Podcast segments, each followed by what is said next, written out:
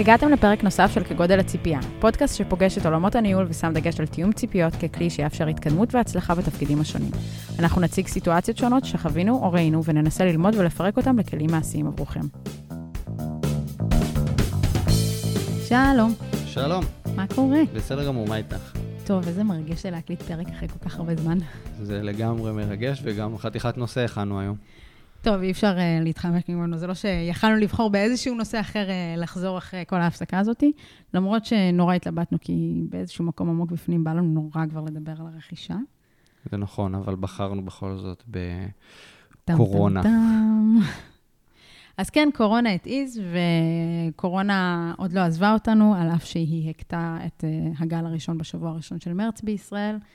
אמ, והחלטנו לדבר איתכם על זה, על איך זה פגש את החברה שלנו, איך זה פגש אותנו כצוות אה, הנהלה, איך זה פגש את העובדים אה, שעובדים איתנו, ואיך אנחנו מרגישים שאנחנו יכולים אה, להתאושש מזה. זה עדיין קורה, זה לא רק את ההתחלה, אנחנו עדיין עמוק עמוק בתוך זה. לגמרי. אז נדבר גם על זה שזה עדיין קורה, וגם על איפה אנחנו נמצאים היום ומה אנחנו חושבים על זה היום. אמ, אז בואו נתחיל. יאללה.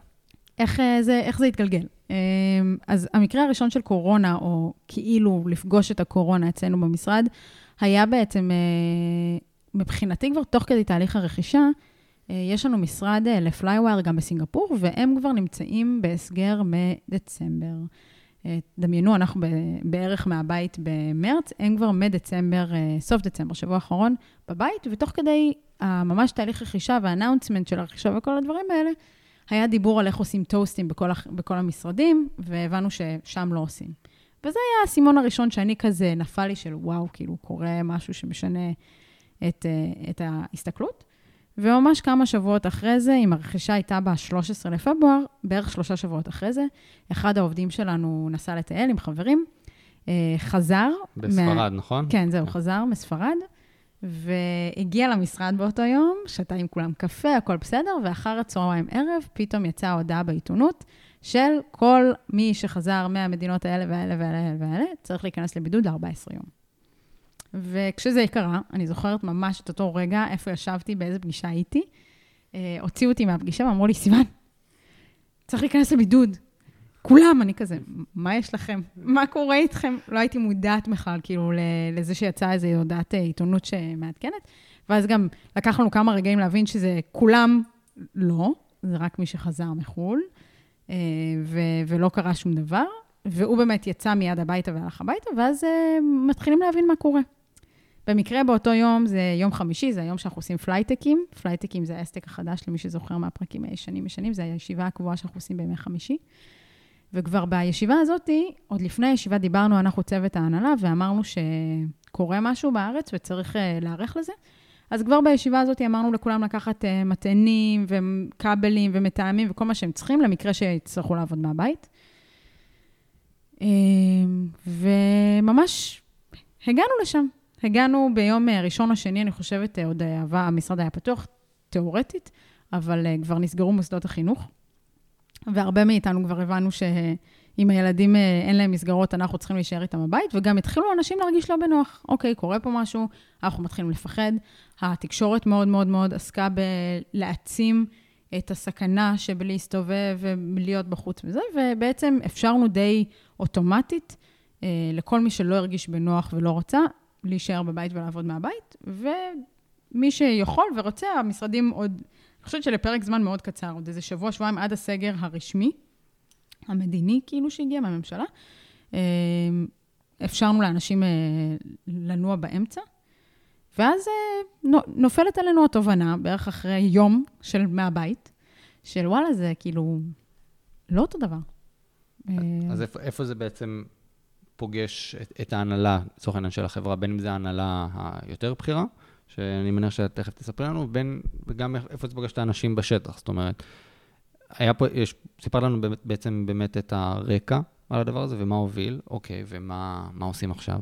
אז, אז, אז מה עושים עכשיו? אני חושבת שזו השאלה המרכזית שכולנו התיישבנו והתחלנו לדבר עליה. אני חושבת שאחד הרגעים הזכורים לי זה איזושהי שיחת טלפון אה, אה, באחד הערבים, ביני לבין אה, מי שהיה בסימפלי, ה-CTO, והיום הוא ה-Chief Architect בפלייווייר, ועם ה-VP R&D פה בישראל, וכאילו, הוא חזר מחו"ל גם כן, והיה בבידוד בחיפה בכלל, ואנחנו מדברים עם שלושתנו בטלפון ועושים, טוב, פותחים את המשרד, לא פותחים את המשרד, להודיע שסוגרים את המשרד, כאילו, מין דילמות כאלה שאני אומרת, כאילו, למה אנחנו מתלבטים על זה בכלל? מה, איך זה הגיע לסל המחשבות ההגיוני, כאילו, שאנחנו חיים איתו יום-יום? בשיחה השלישית שלנו הזאת, כזאת, בשבוע אחד, כי עוד מישהו חזר, או מישהו לא הרגיש טוב, או פה ושם, כבר הבנו שזה לא, לא סקיילבילי, לא, אי אפשר לעבוד ככה. אמ, וכינסנו את כולם, והתחלנו לדבר על כאילו, איזה גורמי סיכון אנחנו מנסים להימנע מהם, ומה אנחנו לא רוצים שיקרה. אה, וגם התחלנו לדבר על איך, איך כן עובדים. מי שכבר בבית ומי שכבר אה, הודיע לנו שכבר לא יחזור, או מי שנמצאים בבידוד, מה עושים? איך אפשר לעזור להם? איך מנהלים שגרה אחרת? אה, האם מצופה מהם להתנהל באותו דרך? מיכאל, אתה היית מהצד השני של השיחות האלה. Mm-hmm. זאת אומרת, גם אתה מאלה שקיבלת את ההתגלגלות של הדברים בלי הרבה יכולת, כמו כולנו. It is what it is, סוגרים, מפסיקים. אה, אבל גם יש לך את, ה, את כל מי שנמצא תחתיך, שבעצם קם בבוקר, יום-יום, ולא יודע מה מצפים ממנו. אני חושב שהשלב הראשון היה בעיקר חוסר ודאות. זאת אומרת, זה, לא היה, זה גם לא היה שלב קצר. זה לא היה שלב... יש שיגידו שהשלב הזה נמשך עד עכשיו, כן? אני חושב שאנחנו עכשיו במקום קצת יותר טוב, עדיין יש את האי-ודאות, אבל ההתחלה היה ממש חוסר ודאות משווע, בין אם זה יום קדימה, האם אני, אנחנו נלך למשרד או לא נלך למשרד, האם, אה, לא יודע, יסגרו מחר את כל החברה, כאילו, אה, אה, אתה לא יודע כלום, אתה לא מבין איך זה ישפיע עליך בכלל. וזה הורגש, זה הורגש אצל האנשים, שממש כל הזמן היה שאלות. ואני חושב שמה שהכי אפיין את השלב הראשון, לא רק אצלנו גם, להבנתי, אני חושב שדיברתי עם עוד כמה אנשים, זה פשוט היה ניסיון להעתיק את הצורת עבודה שהיינו עושים במשרד, לנסות להעתיק אותה כן, לבית. כן, אז זה מה שחשוב. למרות שכאילו התחלנו לעבוד מהבית, ולמרות שזה, בתיאוריה, כאילו ניסינו להעביר את כל מה שעשינו ב- במשרד, ב- בחדרי ישיבות, בחלל המרכזי של המטבח, הביתה. זה לא, זה לא עבד. לא. והבנו, אני חושבת, אה, מהר, תוך כדי שאלות ותוך כדי תנועה ותוך כדי לעשות גם הרבה טעויות, שיש שלושה דברים עיקריים שאנחנו צריכים להתרכז בהם. אה, ובעצם מה שביקשנו מכל אחד מהמנהלים לעבוד עם הצוותים שלהם על, היה כמה שיותר גמישות, לאפשר לצוותים שלהם לעבוד באיזה שעות שנוח להם, כבר אין שמונה עד, עד, עד חמש. יש אנשים שזה יתאים להם עדיין שמונה עד חמש, ורוצים את האחר הצהריים שלהם פנוי. יש אנשים, לדוגמה כמוני, שהייתי עם ילדים בבית ובעלי שהוא עובד חיוני לא בבית, אז בעצם חילקנו את היום, ואני עבדתי פחות או יותר בשעות הבוקר, אה, רק על דברים דחופים שממש דרשו attention מיידי, והתחלתי את היום עבודה שלי בערך בשתיים בצהריים, פגישות עד אמצע הלילה, והיו אנשים ש... שזה ממש ממש לא התאים להם, השיטה שאני עבדתי בה. והיה... אז, אז, תכף מיכאל יספר קצת על איך זה יפגש את הצוות שלו, אבל הדבר הראשון שהתרכזנו בו מאוד זה גמישות.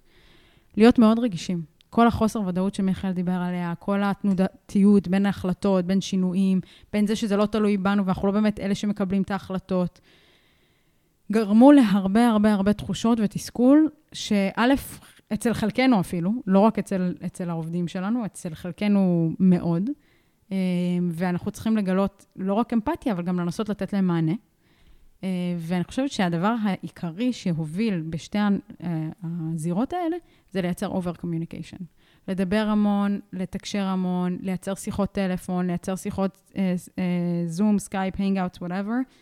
לראות את האנשים פנים מול פנים כמה שניתן, אה, ולא לתת להם להישאב לאיזשהו bubble שלהם, שאנחנו מנותקים ממנו ואנחנו מורחקים. אני חושב שאם אנחנו מדברים על הגמישות, אז בהתחלה באמת כל אחד לא ידע, לא ידע איך הוא לוקח את זה. אה, חלק מהאנשים ניסו ממש, כמו שאמרתי, לשכפל את העבודה מהבית ולעבוד פחות או יותר את אותן שעות, ואז ראו שזה לא מסתדר מהבית, כי יש הסחות דעת, כי בתקופה הזאת כבר הילדים היו בבית, ולנסות לעבוד, אה, לפחות למי שיש לו ילדים, זה מאוד מאוד קשה. אני חושב שדווקא בשלב הזה, מבחינת הגמישות, לרווקים בינינו, או לאנשים שלא היה להם ילדים, היה קצת יותר קל. הם לא הבינו, לדעתי, עד הסוף את, את את, נקרא לזה, את חומרת הבעיה של אולי שאר הצוות, או של האנשים עם הילדים. אה, הם יכלו לעבוד באיזה שעה שהם רצו. מאוד הקשה עליהם הנושא של, אה, אני לבד, כאילו, וזה לא נחמד, אבל זה עוד לא השפיע בשלב אני הזה. לבד, ולפעמים אפילו אנשים שאני צריך כדי לשאול אותם שאלה או להתקדם בעבודה שלי, לא זמינים לי. נכון, זה כן השפיע, אבל... מת- אבל... שהגמישות שלי הייתה נוחה, לא בהכרח הייתה נוחה ליתר הצוות שאיתו אני עובדת, וזה כן משפיע על שגרת היום שלהם. זה גרם לאנשים, זה גרם לאנשים שהיו תלויים באנשים אחרים, פתאום למצוא את עצמם עובדים, נגיד, הרבה יותר שעות, כי הם עבדו בשעות שנוחות להם, ואז הם היו צריכים אנשים אחרים שלא עבדו באותן שעות, ואז הם אמרו, טוב, אני, ואני בבית, אז אני אעשה איתו קצ'אפ יותר מאוחר, ואז פתאום השעות יתארכו ויתארכו. אבל אני חושב שרוב האנשים, לפחות בהתחלה, לא חושב שזה היה אלה עם הילדים. דווקא אלה בלי הילדים בהתחלה, אמרו, סבבה, עבודה מהבית, נחמד, כאילו יום, יומיים, שבוע, כאילו, היה עוד איכשהו בסדר. בש... השלב היותר מתקדם היה שזה כבר לא, לא היה סבבה. אה, מאוד מאוד אה, ריחוק מאנשים שהיה חסר וחברתיות וחבר... שהיה, שהייתה חסרה. אני חושב שברמת הרגישות, היה גם פער איפשהו למנהלים, בסופו של דבר. כאילו, כי אנחנו, אני חושב שאני יכול לבוא ולהתקשר לאנשים ולדבר איתם, אבל אין לי עד הסוף את סט הכלים לבוא ולתמוך בבן אדם שבלחץ על, על החיים שלו, על המשפחה שלו, על הבריאות שלו. מדובר פה במשבר בריאותי. כן, זה לא... אני, אין, אין, זה לא ייעוץ טכני או טכנולוגי או, או משהו שאני יכול לתת לו את סט הכלים. אני יכול לתת לו את דעתי האישית על המגפה. יכול להיות שאני הייתי, אני ספציפית מהאנשים ה... לא יודע, פחות, נקרא לזה, אה, בלחץ. אתה אולי פחות שיש... בלחץ, אבל אתה יותר, אתה יותר מהמקפידים. נכון, אני מקפיד ואני מבין שיש פה איזושהי סיטואציה שצריך לנהל אותה, אבל אני לא בלחץ, כאילו, אני, אבל אני ברמה אישית, כאילו, פחות משתדל לעבוד ב, בלחץ. אז, אז יכלתי לעשות share לפוינט אוף יו שלי, ולקוות שזה יעזור, אבל היה מאוד מאוד קשה אה, להכיל את הדבר הזה אצל כל העובדים. וגם over communication, אני חושב שיש אנשים שיודעים יותר לעשות communication, ויש אנשים שזה פשוט קשה להם. זה היה קשה להם גם ביום-יום במשרד, ולהגיד שמעכשיו צריך לעשות over communication, היה להם עדיין מאוד קשה. כן, אבל אני אגיד לך את ההבדל. הראשונית. כשאתה עובר ליד מישהו שהוא יותר שקט ויותר מופנם ויותר סגור במשרד, ואתה רואה שהראש שלו שמוד, ושהוא בכלל לא קם לארוחת צהריים, אתה קולט, יש לך כזה איזה שהם סממנים של מה שהוא עובר עליו. אני צריך לשאול אותו, אני אתפוס אותו one on one עכשיו, אני אקח אותו לקפה בצהריים, אה, אני, אני לא מצליח לדבר איתו, אני אשלח אולי חבר שלו שאני יודע שכאילו יותר טוב להם ביחד. אה, אשתמש בלא משנה מי. כשאתם בבית, וכל אחד בפינה שלו, וואלה, זה נהיה מאתגר. אתה לא יודע, אתה לא רואה. אתה רק רואה שהוא לא מחובר לסלק. ואתה רק רואה שנגיד לשתי ישיבות חברה הוא לא הגיע. למרות שהם מנדטורי ולמרות ששאלת אם הכל בסדר, הוא אמר לך, כן, הכל טוב. ואתה, יותר קשה לך לאסוף. ובעצם אה, בשלב הראשון, אה, אני זוכרת שממש בניתי לכם שאלון של דברים לשאול, איפה אתה עובד? מה שלום ההורים שלך והמשפחה שלך? יש מישהו בדרגת סיכון מיידית במשפחה שלך? יש לנו עובדים, אה, כולל עובדים יותר צעירים, שבתוך המשפחה שהם גרים איתם, בגר... במשפחה הגרעינית שלהם, יש אנשים שהם בקבוצת סיכון. ו- ו- והמשמעות עבורם הייתה שהם מאוד מאוד חוששים. להידבק, להביא את המחלה הביתה, להסתובב באופן כללי בחוץ. וככל שהבנו את הדברים האלה יותר מהר, גם הבנו, הייתה לנו פרשנות להתנהגויות כאלה ואחרות. בין אם זה מישהו שלא הסכים לקפוץ למשרד, אפילו לקחת את המסך שלו וביקש שנשלח לו אותם. וזה לא שזה הפריע לנו, אבל כאילו מבחינתנו הפתרון הכי קל זה לך, קח מה שאתה צריך. אה, שאגב, גם זה, גם זה ששלחנו מסכים ומטעמים ועכברים ומקלדות, אני לא יודעת אם כל החברות עשו, אבל לנו היה מהר מאוד ברור שאנחנו צריכים לתת את הספורט סיסטם כדי לאפשר לעובד לעבוד בסביבת עבודה מיטבית. אה, היה לנו עובדים שאתה זוכר שעבדו על, על המיטה איזה שלושה שבועות. כן. אתה עולה לשיחה, הוא במיטה. למה אתה עובד במיטה? רק כאן יש לי שקט. הילדים לא נכנסים לחדר שינה שלי. אתה אומר כזה, אחי, אבל אגב, זה לא נוח, זה פחות מתאים. כמה זמן תצליח להחזיק במיטה?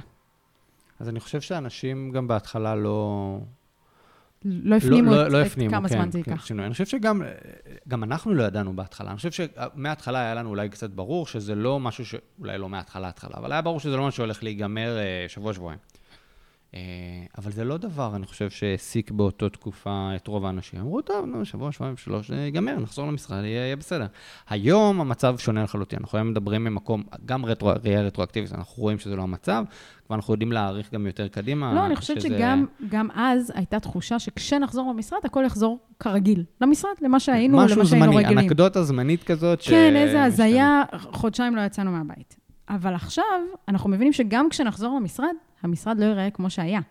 וגם זה שינה המון את תפיסת אני המבט. שגם את, אני חושב שגם את זה אה, לא, לא בטוח שאנשים מבינים. אני חושב שאנחנו קצת מתקדמים פה. אה, אנחנו גם נדבר על זה, נראה לי, okay. אוקיי. בהמשך הפרק, אבל אני לא חושב שכולם מבינים את זה, שקחי, נגיד, אנשים, לא יודע, רנדומליים במשרד שלנו, גם במשרדים אחרים, שתגידי להם, עוד שנה, עוד שנה, איך ייראה המשרד? לא יהיה קורונה כבר, איך ייראה המשרד? הם יגידו, טוב, עוד שנה, כבר ייגמר הקורונה, נחזור להיות כרגיל. אני לא חושב שזה המצב. כן, אני מסכימה איתך. אני חושבת שנעשתה פה איזושהי שינת, אה, שינוי מנטלי הרבה יותר עמוק, אה, הפיכה שכזו. אה, בסדר, אתה צודק, נדבר עליה בהמשך.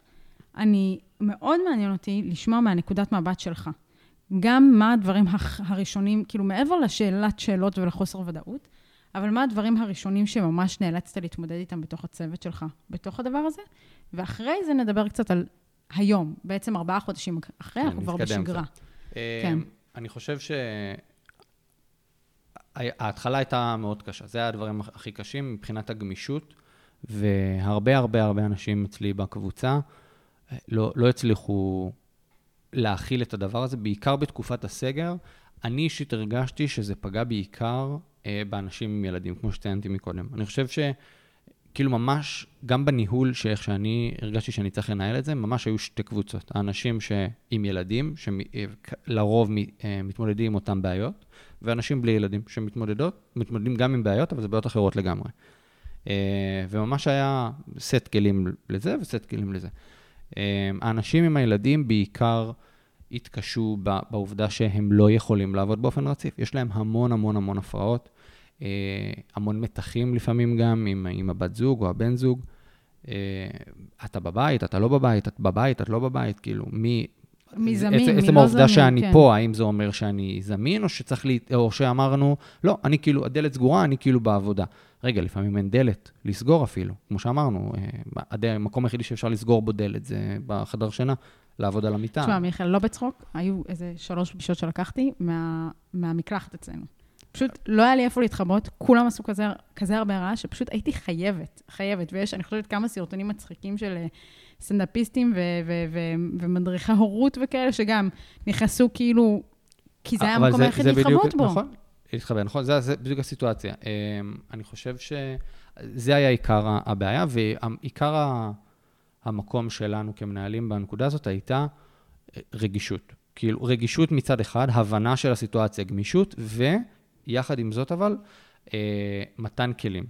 זאת אומרת, אוקיי, אנחנו מבינים שעכשיו אתה, אה, לא יודע, תקוע במקלחת כי אין לך מקום אחר, אבל אתה חייב לייצר לעצמך. את חייבת לרכוש, אה, לא יודע, שולחן, אם אין לך שולחן. ופה גם אני חושב שזה המקום שהצפנו את זה גם אה, למעלה, גם בהנהלה אצלנו בפלייווייר, וניתן... אה... נכון, ניתן הבונוס הראשון, הם, הם קראו לזה stipend, שזה איזשהו מענק אה, חד פעמי. אמ, שכבר לא היה, כבר לא חד. כן, הוא כבר קרה מאז שוב, אבל מענק חד פעמי, שבעצם באו ואמרו, בואו תשדרגו את סביבת העבודה שלכם. למישהו אחד זה יכול להיות שולחן, למישהו אחר זה יכול להיות אה, אה, לשדרג את אה, ספק האינטרנט שלהם. כן. כל אחד ומה שהוא היה צריך. המטרה הייתה באמת, באמת, באמת, לבוא ולתת את הכסף, ולא להגיד לאנשים, תיתנו לנו חשבוניות על שולחנות שקניתם. כי למישהו אחד יש ולמישהו אחר אין, או אין אפילו מקום, וזה לא שלנו לקבוע. וכל אחד צריך לדעת ולכמת איך הוא מייצר את זה. מה שכן, אנחנו כמנהלים השקענו הרבה זמן בלנסות לחשוב ביחד עם העובדים, בטח עם אלה עם המשפחה, איך הם יכולים לייעל את סביבת העבודה שלהם, או, או לייעל את, את האווירה בבית, כדי שהם יוכלו לעבוד יותר בשקט ויותר בנחת. מה היה האתגרים עם הקבוצה השנייה?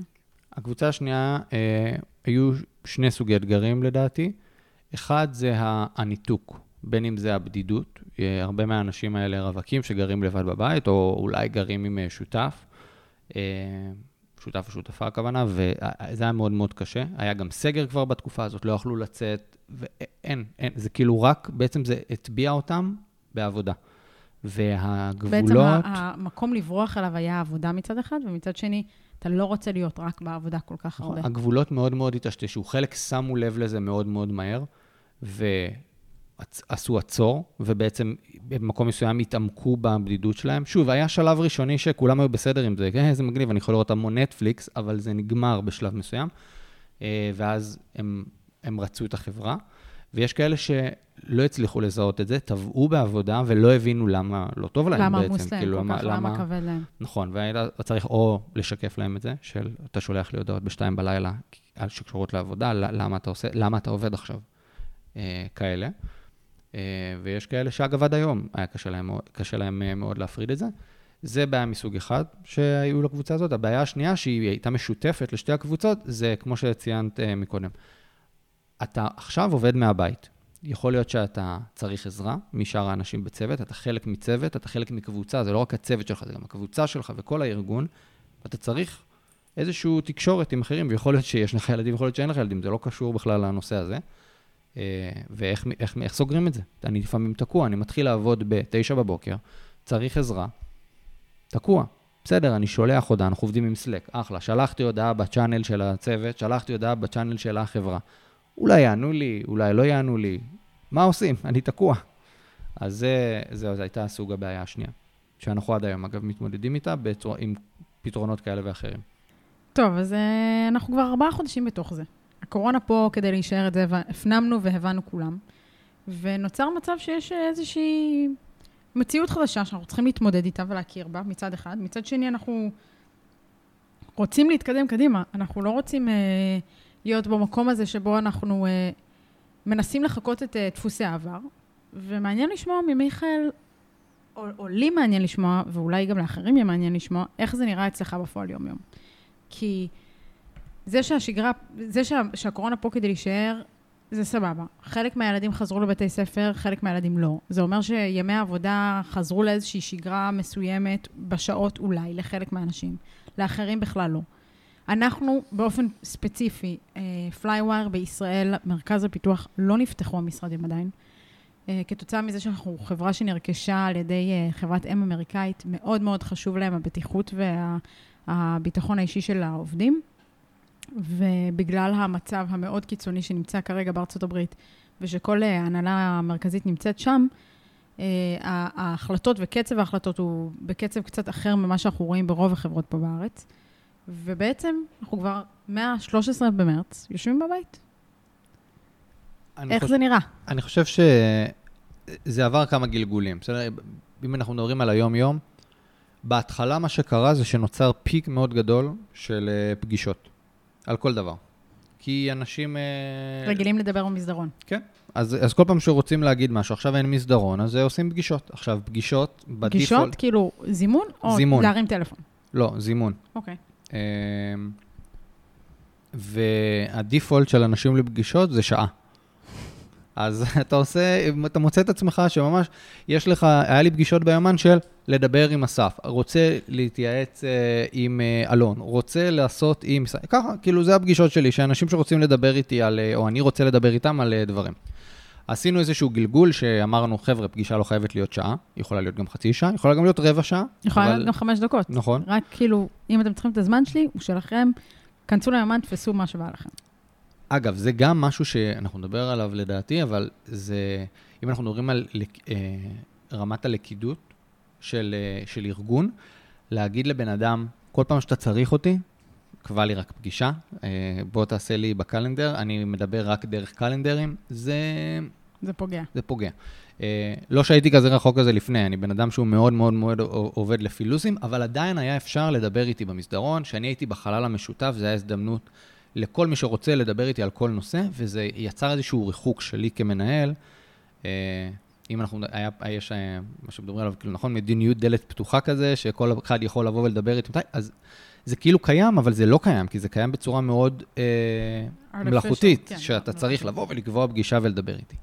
Uh, היום דווקא, אני חייב להגיד, מהרגע שהתרגלנו כבר לשגרה, זה פחות המצב. אני דווקא רואה פחות פגישות שהן קורות. כל הפגישות שהיו כביכול מיותרות, נקרא לזה, או פגישות שלא באמת חייבות להיות פגישות, עברו לאופליין, עברו ואני למה? רואה... לתקשורת א-סינכרונית. כן, עברו לתקשורת הסינכרונית, בין אם זה באמצעות uh, Slack או באמצעות uh, uh, דר, uh, גוגל דוקס, שנותנים קומנטים אופליינים, מנסים באמת לייעל את התהליך הזה, uh, כדי ואז לא גם- לבזבז ואז זמן. זה גם מתאים, זה, זה לא רק כדי לא לבזבז זמן, אני חושבת שזה גם כדי לא לבזבז זמן. גם כי המציאות אומרת שיש לנו כמות מוגבלת של שעות שבהן אנחנו יכולים לעשות פגישות, אין מה לעשות. אמ, אבל גם כי זה מאפשר לך את הגמישות לעבוד כשנוח לך, ומאפשר לי את הגמישות לעבוד כשנוח לי, ומאפשר לאסף את הגמישות לעבוד כשנוח לו. ואם אנחנו לא נייצר את הפלטפורמות האסינכרוניות האלה, אז יהיה לנו מאוד קשה to collaborate, אה, לעבוד ביחד, לשתף פעולה, לשתף מחשבות. אפילו לעשות brainstorming לפעמים הרבה הרבה יותר קל היום לעשות ככה, מאשר אה, להביא עשרה אנשים לאותו חדר. ועדיין זה לא משפט לא ש- שכולם מסכימים. זה גם לא גם לא כולם מסכימים איתו. עדיין יש אנשים שלא מבינים איך אפשר להתווכח, או לא להתווכח, להתדיין, בקומנטים, או בהודעות. כי אה, אני מסכים, יש איזשהו אלמנט שחסר בהודעות ובטקסט, שהוא הטון, או הגישה. הטון, האם אתה כועס עליי, האם אתה עושה, בדיוק. שואל את זה עם סימן שאלה בסוף, האם זה נכון, צריך להיות, עקיצה. בדיוק, מאוד לדייק, ואנשים לפעמים מבינים דברים לא נכונים, ואז זה כבר תלוי בך כבן אדם, אם אתה לוקח ללב, או אתה שואל אם לא הבנת, או... יש לזה המון המון המון השלכות. אה, אבל עדיין, מבחינת היום-יום, מרגיש דווקא עכשיו שיש לי אה, פיחות בכמות הפגישות. ceremonies, אתה עדיין עושה בצוותים שלך? אני חושב שאם מדברים ספציפית על הקבוצה שלי, היה לי, לי זה נתן איזושהי, אה, לי ולאנשים שעובדים תחתיי, הייתה פה איזושהי הזדמנות, שאני חושב שאצלנו ספציפית לקחנו את זה. אני הייתי מנהל אה, שלושה צוותים, שבשני צוותים מהם יש לי אה, Team Lead, שמנהלים את זה, שהם היו יחסית בתהליך חפיפה, ואני חושב שהחיתוך המאוד, אה, שנכפה עלינו בעצם, גרם לי לעבוד מאוד חזק עם הטימלידס, להיות הרבה יותר עצמאיים, וזה יצר איזשהו, בעצם את ההיררכיה במרכאות המתבקשת. זאת אומרת, היום הצוות עובד מול הטימליד ולא מולי כדירקטור, ואני עובד מול הצוותים. זה גרם לאיזשהו ריחוק שלי מהצוותים, שהיה יותר קשה לעשות כשהיינו ביום-יום במשרד. כי, כי היה להם הכי היו... קל לבוא אליך. כן, אנשים עדיין היו רגילים. כי מיכאל ידע את התשובה של הכל. נכון. ו... אוקיי. אז אז, אה, אה, מה שאלת אותי? שאלתי על ceremonies. אז ה ceremonies נעשים, חלקם, daily עדיין נעשים, והם נעשים עם, ה, עם אותו ראש צוות, אה, בלעדיי, אה, שככה לדעתי זה צריך להיות, וזה בסדר. ואני חושב של daily יש עדיין חשיבות מאוד מאוד גדולה. זאת אומרת, אם פעם, פעם, בתקופה ההיא של המשרד, היה חשיבות לדיילי להתחיל את היום באיזושהי שעה שכולם כבר צריכים להיות בה במשרד. אגב, עוד לפני שיצאנו לכל הקורונה, התחלתי לקרוא המון המון המון כתבות וגישות שאומרות שדיילי זה מיושן כבר, שאין שום סיבה לעשות דיילי ולא צריך לעשות את זה. פה אני דווקא חושב שזה מאוד אוסף את הצוות לאיזשהו תחילת יום, שהוא מאוד מאוד שונה לכל אחד. יש בן אדם שיתחיל ב-8 בבוקר, ש-10 נגיד, זה כבר ממש לא תחילת היום שלו, ויש בן אדם שעכשיו התעורר, כי הוא בבית והוא לא צריך לנסוע לשום מקום, והוא עולה לדיילי. אני אה, חושבת ש... מה שזה נותן יותר מהכל זה איזשהו כאילו פריז, נקודת מבט על מה אנחנו עושים עכשיו, על מה אנחנו מתפקסים עכשיו. האם כולם מבינים לאן אנחנו צועדים? וקדימה. אני, אני חושבת שמה שפעם שימש אותנו להגדרת יום העבודה ותחילת העבודה וה, וה, והמיקוד, היום משמש להגדרת תוכן העבודה אה, הרבה יותר, ו, ואני שמחה על כך. אני יכולה להגיד שבאחד הצוותים, אחד, אחד הפיינס שגילינו זה ש... והשתמשנו בדיילי כדי לפתור את זה, זה שכשמישהו יוצא לחופש, הוא לא מעדכן אף אחד, הוא שם את זה ביומן, ונעלם לחופש. עכשיו, בדרך כלל כשאתה יוצא לחופש, כשאתה במשרד, אז אתה, אתה מדבר על זה, אתה מספר לאן אתה נוסע, ואתה מדבר על זה, ואתה אומר, כן, אני לא אהיה פה יומיים, ולא, לא, לא, ולא, לא. וכשאין לך את הסמולטוק הזה, כי אין את השעות קפה, ואין לקום רגע למטבח, ואין לבקש מחבר שיאסוף לך את הדואר, או לא משנה מה, אז אתה בעצם נמצא במצב שאנשים פשוט לא יודעים איפה אתה. ואם הם לא בודקים ביומן, כי הם לא חשבו על זה, אז הם לא יודעים להיערך. והשתמשנו היום בדייליז כדי באמת לדבר, ואם אני יוצאת לחופש, אני אומרת, חבר'ה, אני רק מזכירה, מחר אני בחופש, וזה כל הדברים שאני אסיים עד מחר, זה עשוי להיות פתוח, מי יכול לקחת את זה ממני, אם יהיה עם זה בעיה. אה, וזה יוצר עוד איזשהו קונטקסט לאיפה החיים של אותו בן אדם נמצאים, ואיך זה משפיע על יתר הצוות. כי בסוף, בטח כשאנחנו עובדים בצוות, ובטח כשאנחנו אחראים על אותו עולם תוכן, יש לנו אחריות משותפת. ואם אנחנו לא חולקים באחריות הזאת, אין דרך לעשות את זה. נכון שאפשר גם לעשות את זה בערוץ של הסלק, כאילו, אני לא בטוחה שדיילי זה המקום היחיד שאפשר לעשות את זה. לנו זה עבד טוב להשתמש בפלטפורמה הזאת כדי לדבר על הדברים, וגם באותו זמן להסתנכן על מה אנחנו חייבים לסיים עד החופש, מה, מה אם לא מסתיים, מי יכול לקחת את זה, כאילו, זה, זה, זה יצר את המקום הזה.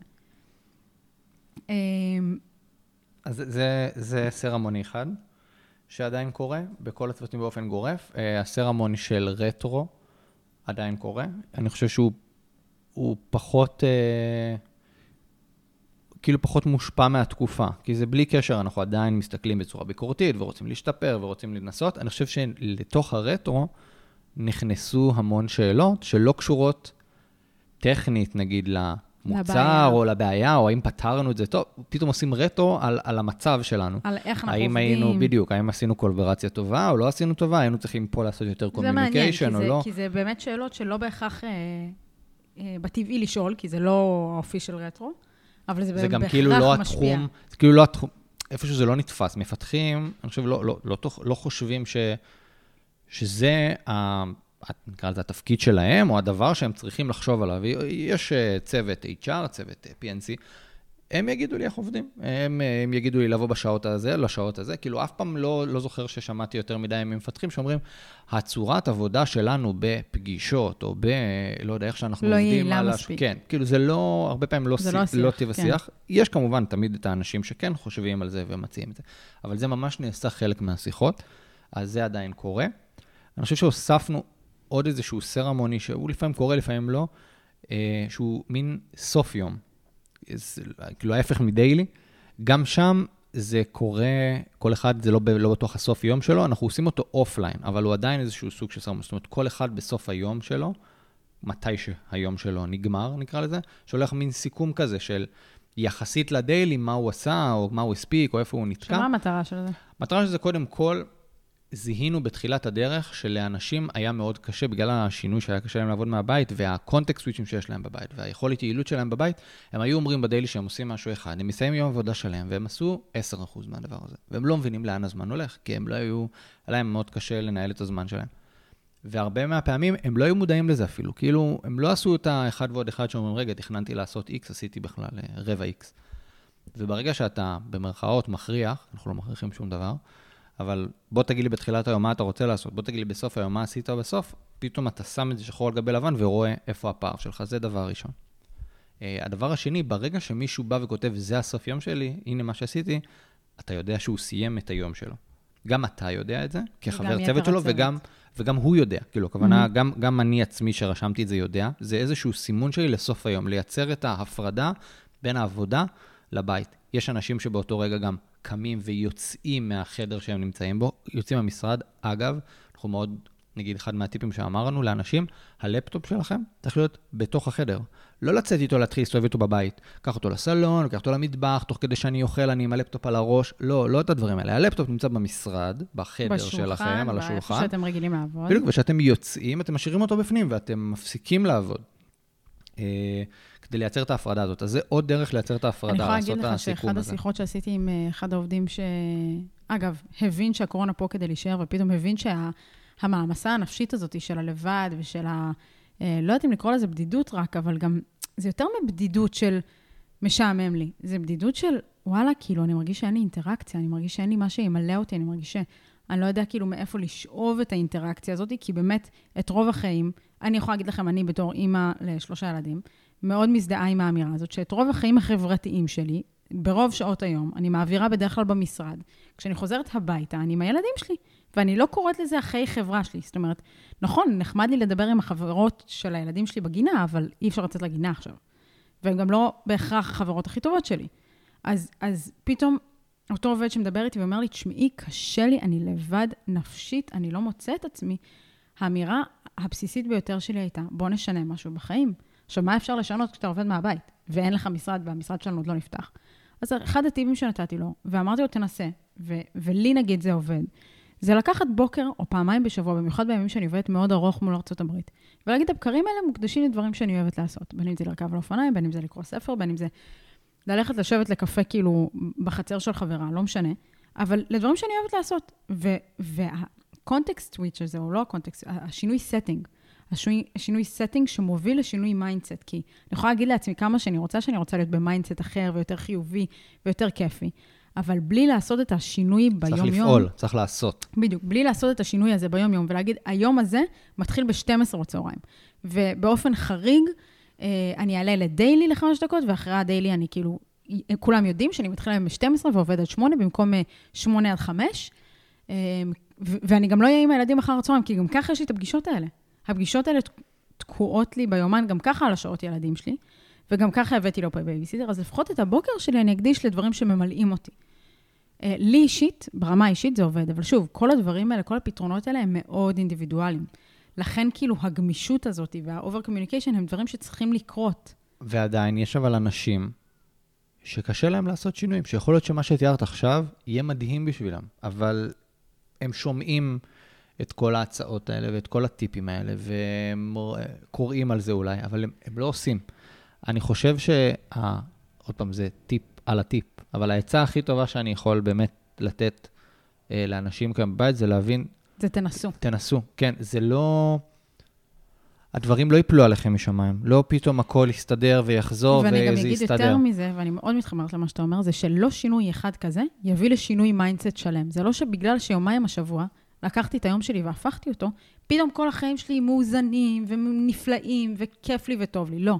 זה עוד 2% ועוד 2%, וכל 2% שאנחנו נצליח לשפר בחיי היום-יום שלנו עכשיו, בתוך הסביבת עבודה ההזויה הזאת בעולם, ככה בסוף השבוע יהיה לי 10, 15, 30 אחוז יותר טוב בחיים האישיים שלי, ואני אראה את האימפקט של זה בעוד מקומות. אבל אני מאוד מתחברת למה שאתה אומר, תנסו, ואני גם אגיד, יש, יש את כל המצקצקים, את כל החמוד, או איזה פלאף זה כאילו, ואני מבינה את זה, גם אני מאוד, כאילו, מיכאל מכיר אותי, מאוד רציונלית ומאוד מנסה לראות כאילו תועלת, עלות מול תועלת. אם אני עושה את זה, מה זה עולה לי וכמה תועלת זה יביא לי. ולפעמים אנחנו לא יכולים לכמת את זה. לפעמים עד שלא ניסינו, עד שלא שמנו את הרגל בתוך המים, אנחנו לא נדע איך זה מרגיש. לא משנה כמה מישהו מבפנים יעמוד ויתאר לנו, המים נעימים וקרים ולרטובים. זה, זה לא אומר כלום. ואנחנו חייבים לחוות את זה, ואת כל הדברים האלה צריך לחוות גם יותר מפעם אחת. אני חושב שמאוד חשוב לי שנייה לתת כמה דוגמאות, בנוסף למה שנתת, כדי שנבין שזה לא רק אה, עכשיו זה, בין אם זה אומר, אם אני אומר למישהו, נגיד, תקשיב, למה אתה עובד מהמיטה? בוא תנסה לקחת ולעבוד על שולחן, זה ישפיע עליך, גם אתה תרגיש שאתה בעבודה, וזה. אפשר לעשות, בסדר, אבל נוח לי במיטה, כאילו, אחי, תמיד עבדתי במיטה, גם, כשהייתי לפני זה במשרד והייתי איזה חצי יום בבית, הייתי עובד במיטה, זה נוח, נחמד. תנסו, תראו שזה כנראה עושה שינוי. להתלבש בבוקר לעבודה, לא להישאר בפיג'מה, להתלבש כאילו אתם הולכים לעבודה. אז גם זה, אה, נו, למה אני צריך זה? תנסו, אולי זה ייתן לכם את התחושה. לקחת את החצי הימים האלה, בין אם זה תחילת היום, סוף יום, את ההפוגות, למצוא תחביבים. אני, אני, יכול... אני אגיד אפילו שנייה לפני למצוא תחביבים, לאכול ארוחת צהריים. לאכול ארוחת בוקר, לשתות, להכין לעצמי קפה. ומה הייתם עושים במשרד שהייתם מכינים קפה? אומרים לחבר, אתה בא לשתות איתי רגע? תרימו טלפון, ת, תפתחו זום, תשבו עם השכן, לא אכפת לי. אבל קחו רגע את העשר דקות, רבע שעה, חצי שעה הזאת ביום שלכם, ותעשו את זה רגע בשבילכם, לא בשביל, אוי שיט, זה מבזבז לי עוד זמן, או מה יחשבו. כי היום, ואולי זה הדבר העיקרי שלא דיברנו עליו, אנחנו לא באים למדוד זמן. אנחנו לא מדברים בפונקציות של זמן. במה אנחנו מדברים? בפונקציות של תפוקה. אחת הדוגמאות שמיכאל נתן, שהם עושים כאילו אה, סוף יום, אה, הודעת סוף יום, זה באמת למדוד את התפוקה שהייתה באותו יום. אף אחד לא שואל, רגע, באיזה שעות עבדת? אה, רגע, הפעם עבדת מ-12 עד 8 ולא מ-8 עד 5? זה, זה בכלל לא מעניין. זה לא משנה שום דבר. אם לי יש אחריות, ואני חושבת שזו אולי אחת הדוגמאות שאני תמיד נותנת למיכאל על כל מיני דברים אה, אחרים שאנחנו מדברים, אם לי יש אחריות לעשות, אם אני צריכה להוציא משכורות בראשון לחודש, המשכורות ייכנסו בראשון לחודש, וזה לא משנה איפה אני נמצאת בעולם, ומה אני עושה, וכמה אני עייפה, אין לי כוח, יש לי שלושה ילדים בבית, אני בחדר לידה, true story אגב, לא משנה איפה אני נמצאת, המשכורות ייכנסו בראשון לחודש ואני אחראית לעשות את זה. אז אותו דבר, אם כל אחד מאיתנו לוקח אחריות אולטימיטיבית על העבודה, תעשו את זה, איך שנוח לכם, מה שיעשה לכם טוב. עוד דוגמאות למה שמיכאל התחיל להגיד, שבין אם זה להתלבש בבוקר, לאכול, לשבת על כיסא, ואנחנו יכולים, כאילו, אני חושבת שזה אחד דווקא הרגעים היותר חשובים זה, אה, לבקש גם מכם להביא לנו דוגמאות, לעבוד עם יומן. לשקף לעצמכם מה אתם עושים, לתעד את הדברים. אז לא, אני לא מדברת על אה, לקחת את זה בקיצון כמו עורכי דין ורואי חשבון שמתעדים כל mind, context switch של עשר דקות, כן. אבל שימו לעצמכם את הלבנים הגדולות ביומן, כדי לראות על מה עבדתם. לנהל לעצמכם את היום, קמים בבוקר, בין אם זה ביומן, אפילו על דף. מה אתם רוצים לעשות היום? האם הספקתם לעשות היום? הספקתם לדבר עם ההורים שלכם? הספקתם להרים טלפון לאנשים שיקרים לכם וחשובים לכם? יצאתם לדייט עם הבן בת זוג? עשיתם דברים כאלה שממלאים אתכם, מיכאל התחיל להגיד, תחביבים. אז חסכתם... בניתי עדניות מעץ. אז הנה, מיכאל בנה עדניות מעץ, אבל חסכתם שעתיים נסיעה, אני לפחות, חסכתי יותר משעתיים נסיעה ביום, לכל, כאילו, הלוך חזור. יש לי עוד שעתיים להשקיע בדברים, אז נכון שהאוטומטי הלך השעתיים לעבודה, אבל עכשיו שאני מנהלת את הזמן שלי יותר ביעילות, רגע, יש לי עוד שעתיים ביום לעשות משהו שאני מאמינה בו ורוצה. וזה לא משנה באיזה תחום זה, העיקר שזה משהו שאתם רוצים לגעת בו. ואל תוותרו, אל תגידו, קורונה אי אפשר ללכת ללמוד את זה, קורונה אי אפשר לצאת, כאילו, זה הכי קל. הכי קל להגיד את זה. אני חושבת שאנחנו בדיוק במקום שאנחנו צריכים לעשות הפוך מזה. אנחנו צריכים לאתגר את עצמנו ולא לוותר לעצמנו לעשות את הדברים שחשובים לנו בכל זאת, למרות הכל. אני חושב שגם יותר מזה, יש המון המון המון אה, גורמים שעשו את האדפטציה הזאת לתקופה. יש היום המון קורסים שאפשר לקחת גם מהבית. אבל אתה יודע מה הבעיה עם זה? Hmm? שאני רוצה לצאת ולראות אנשים. אני רוצה להיות בחברה של אין אנשים. אין בעיה, אני אומר, גם, יכול להיות גם וגם, אין בעיה. זה משהו אחד שהוא בשבילך ובשביל עצמך. אם בשביל לראות אנשים צריך להתגבר על איזשהו פער שזה יכול להשתנות בין בן אדם לבן אדם, של כמה אתה כרגע בלחץ ומפחד מהדבר הזה שקוראים לו קורונה. בסופו של דבר, אם אתה מפחד ורוצה להתרחק מאנשים, שזה לגיטימי לחלוטין, אתה לא יכול להגיד באותו משפט, אבל אני רוצה לראות אנשים. אי אפשר כרגע. אתה יכול לנסות לגשר על זה, בין אם זה אה, זום או טלפון ודברים בנושאים האלה. יש היום סדנאות שעושים ביחד בזום. אנשים, כולם רואים כל אחד מה הוא עושה. אה, אפשר זה לא אותו דבר, אבל זה משהו לא אחר. דבר. אבל אם אתם לא בנקודה הזאת, אפשר גם סתם לקחת את המחשב ולעבוד מבית קפה. בפינה, רחוק מכולם, ואז לחזור לפה. או ללכת להיפגש שניים, שלושה אנשים ולעבוד בבית ביחד. כל דבר כזה הוא תלוי בכם. אני חושבת שהוא, ב, כמו שמיכאל אמר, נורא לגיטימי להיות במקום הזה שחושש וחרד, ומצד שני נורא לגיטימי להיות במקום הזה שאומר, וואלה, לי זה לא מתאים לחיות בתוך ההגבלות האלה, אני רוצה לייצר לעצמי מציאות אחרת. אמ, נושא, ואני חושבת שכאילו מעניין אותי לשמוע קצת, על, על הדברים היותר אה, מורכבים בתוך כל הסיטואציה הזאת של מרחק. על הדברים האלה שאתה... מבחינה ניהולית? ש... מבחינה ניהולית. כמו שאמרנו, שלא תמיד אתה יודע מה קורה ומה עובר על הבן אדם ואם הוא עצוב, אז יצא לך באותו, באותו mindset כזה, לנסות לנהל אה, את אחת מהשיחות הקשות של בן אדם שלא נותן תפוקה כמו שצריך, או, או פתאום לא מבין את הפרופורציות של איך אנחנו עובדים ומה הציפיות שלו עכשיו. איך מנהלים את זה בסיטואציה עכשיו? עם כל הלחץ וכל מה שעובר על אנשים? יכול, קודם כל יצא לי כבר, אה, אז אני יכול אה, כן לדבר מניסיון. אני חושב שיצא לי עוד, אני אתן שתי דוגמאות. יצא לי לעשות שתי שיחות כאלה במקרה. שיחה אחת יצא לי לעשות בשבוע הראשון של הקורונה, זאת אומרת ש... חשבנו שאולי אני, אנחנו עוד מעט חוזרים למשרד, אז אולי זה לא הזמן הנכון לעשות את זה, כאילו, כי איך נעשה את זה? כי זה מוזר לעשות את זה, מה, ברימוט או בטלפון, איך נכון לעשות את זה בכלל? אה, שיחה אחת כזאת, ושיחה אחת אה, יותר לאחרונה, שכבר אנחנו כאילו בתוך השלב הזה, וזה כאילו יותר טריוויאלי. שתי השיחות בסופו של דבר, אגב, נעשו בזום. אה, מאוד מאוד חשוב להקפיד על וידאו פתוח. אם בדרך כלל, אנחנו תמיד אומרים את זה, גם אנחנו בטח לא מחדש, אני בטח לא מחדש לכם, שכאילו חשוב מאוד לפתוח את הוידאו ולראות ולהרגיש יותר את האנשים, ויש המון המון אנשים שאוטומטית ישר עולים ומכבים את הוידאו ועושים על מיוט, ולך תדע אם הם שם או לא שם. זה מאוד מאוד חשוב. זה, נותן עוד פידבק, וקשה, אנחנו אנשים חיים, נושמים ו- וניזונים מפידבק, ובלי הפידבק הזה, ובלי הבן אדם השני מעבר לקו, אה, זה קשה. זה מאוד קשה. אני יכול להגיד שאנחנו היום בפלייווייר לא במקום שמכריחים לפתוח וידאו, זאת אומרת, אנחנו כן יכול להיות נעלה לשיחה ונציף כזה, היי, למה כולכם עם וידאו סגור? ואז אולי נקווה שכמה אנשים ידליקו. כן, אני יכול להגיד לכם שאשתי אה, מורה, שהייתה עושה זום אה, לתלמידים שאין אחד עם אה, וידאו פתוח, היא גם הייתה אומרת כזה, היי, אולי תפתחי וידאו, וכזה היה שקט מופתי כזה, ואף תלמיד לא פותח את הוידאו. אז אצלנו, אני חושב שאנחנו לא במקום הזה. כן פותחים, אני חושב שזה מאוד מאוד חשוב. זה חשוב גם למי שמוביל את הדיון, אגב, זה לא חייב להיות מנהל, לפעמים אתה מוביל דיון טכני, וחשוב לך לראות את הפידבק, ובכללי, להרגיש שמקשיבים לך ולא עושים דברים אחרים. אגב, חלק אולי מהבעיה זה שבאמת עושים דברים אחרים. שאתה היום בפגישות בזום, ואתה עם בלי וידאו, ואתה במיוט, אתה לפעמים שם כדי לסמן וי, וזו בעיה אחרת שנוצרה מהמקום הזה. אז נחזור שנייה אה, לשאלה של השיחות הקשות. אז במקרים האלה הקפדתי מאוד על וידאו פתוח, גם אם הוידאו היה סגור, במקרים האלה ממש ביקשתי לפתוח את הוידאו, אפילו אם הצעתי, אם צריך עוד כמה דקות, לך תשנה, תתארגן, תארגן על הבית, תארגן על עצמך, תחזור, תפתח את הוידאו. אני רוצה כאילו...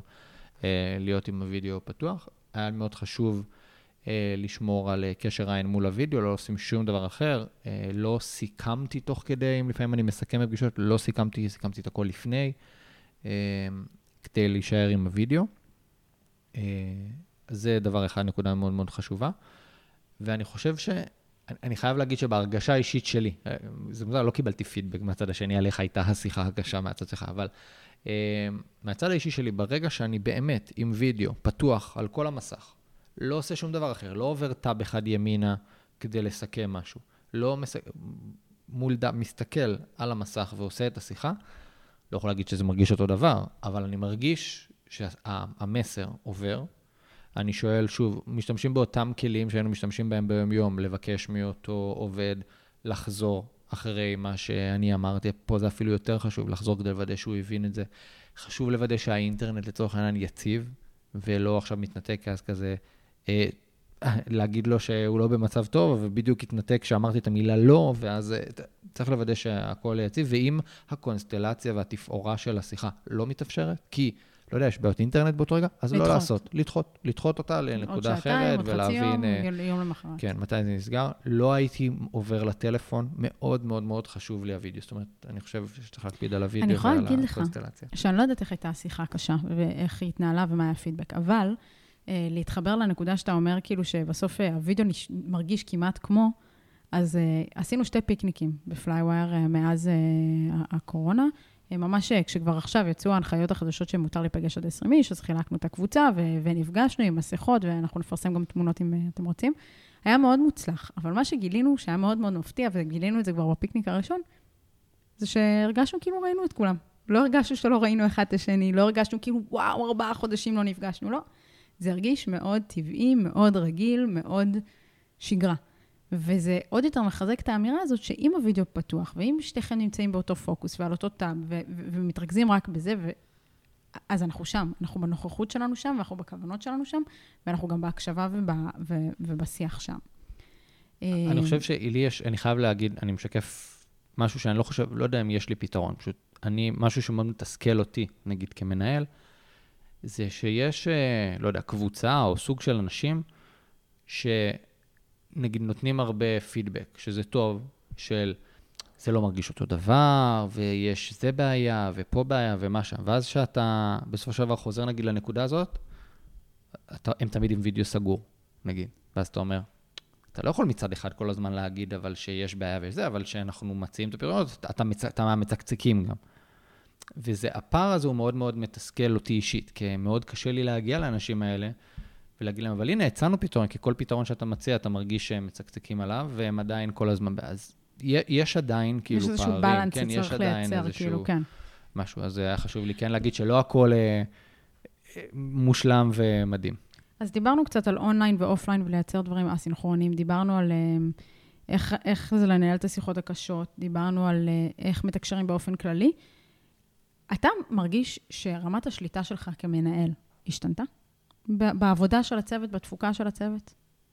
חד משמעית, אבל אני חושב שזה איפשהו מבחירה ומהבנה, זה לא נוצר. אני היום פחות שולט, שולט זו מילה קשה, אבל אני פחות שולט בצוות. אני... מה? אני, מה אני זה לא... אומר?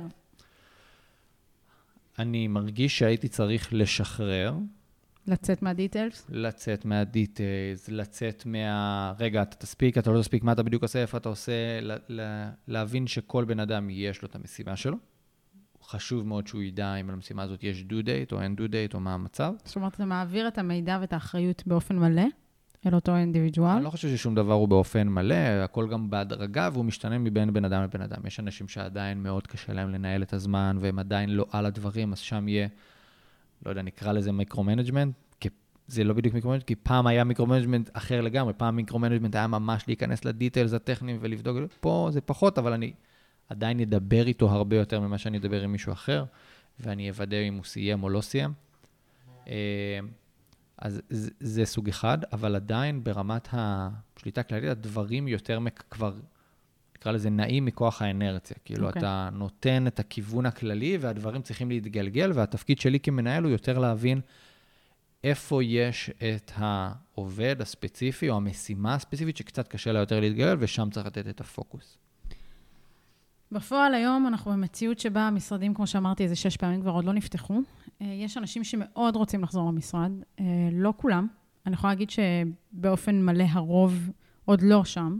מאוד uh, עדיין חוששים מהמחלה, מלהביא אותה הביתה, מלהידבק, מלנסוע בתחבורה ציבורית, לא משנה מה, אבל עדיין יש את אלה שרוצים לחזור. ואני חושבת שאחד הדברים שלנו כמנהלים חשוב, כמו שאמרנו בהתחלה, זה את הגמישות ואת הרגישות, אז גם פה להבין שזה לגיטימי שהם רוצים לחזור. זה עונה להם על צורך שהם באמת זקוקים לו. המשרד והנוכחות במשרד והעבודה המשותפת וה, וההקלה בקולבריישן. מצד שני, זה גם לגיטימי אלו שלא רוצים לחזור. וזה בסדר גמור שהם חוששים וזה בסדר גמור שהם מודאגים. איפה, איפה נוצר הפער? כשהם מתחילים לדבר ביניהם. כי אנחנו כמנהלים מבינים, מבינים שיש את זה ויש את זה, מבינים שלא תהיה מציאות אה, אחת אה, אחידה. אני יכולה להגיד לכם שפלייוואר העולמית הגדירה אה, שאנחנו עכשיו מתחילים לפתוח את המשרדים בצורה הדרגתית בכל העולם. גם ישראל נמצאת שם בתוכנית, אבל לא מכריחים אף אחד לחזור. יהיה עד 25 אחוז סך הכל נוכחות במשרד. וחוץ, מה, מעבר לזה, אף אחד לא יוכרח לחזור. זאת אומרת שאם במשרד שלנו רוצים להגיע רק שתי אנשים, יגיעו רק שתי אנשים. כל מי שרוצה להישאר לעבוד מהבית, זה בסדר גמור, וזה תקין לגמרי. אז בעצם, זה, המציאות תייצר איזשהו מודל היברידי. ואני חושבת שאולי זה אחלה נקודה לסיים פה ולסגור את השיחה שלנו פה, ולהגיד שממש מעבר לפינה, יש את השיחה הבאה שלנו שמדברת על איך אנחנו חושבים, או מה אנחנו מרגישים, או עם מה אנחנו מתמודדים, כשאנחנו מנסים לדבר על לאן זה הולך.